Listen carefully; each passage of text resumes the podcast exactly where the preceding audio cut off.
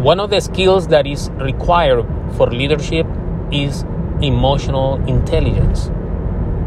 But how intelligent we are when managing emotions.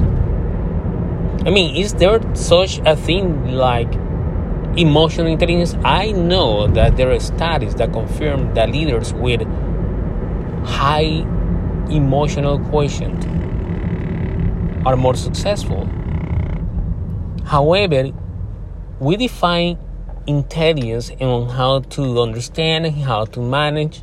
In reality, if you read a book, if you take a course, or you take a seminar, whatever the case is, are you able to acquire emotional intelligence in a classroom?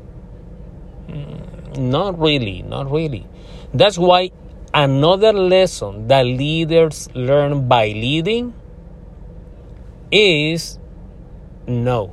No about emotional intelligence, no being smart regarding emotions. What leaders learn dealing with people every day, what leaders learn by dealing with emotions and different behaviors and different type of personalities is to interpret. Yes.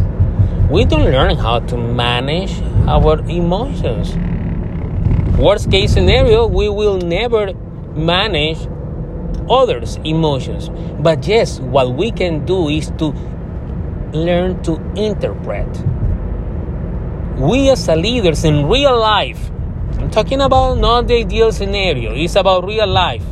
In real life, we learn to interpret emotions, behaviors, because we learned by leading that there is always a reason behind every emotion. There is a reason behind every behavior.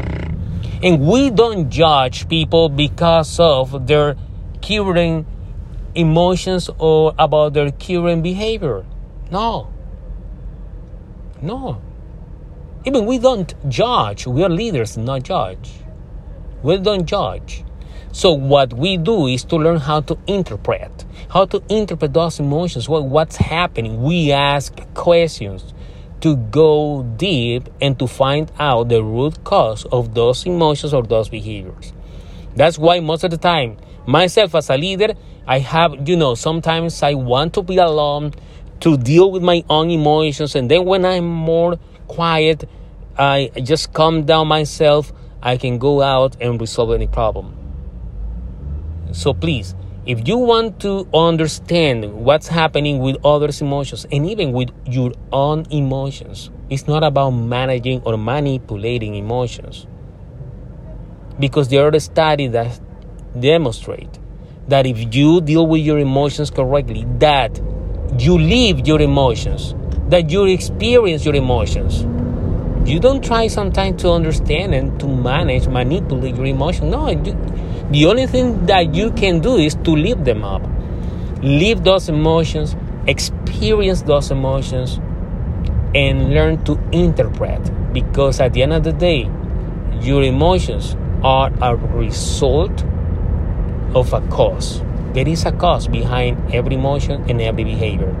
So, we as leaders, the only way we learn to deal with those emotions and behaviors, the only way we learn how to understand because we learn to interpret. And the only way to learn how to interpret those emotions and those behaviors is by leading.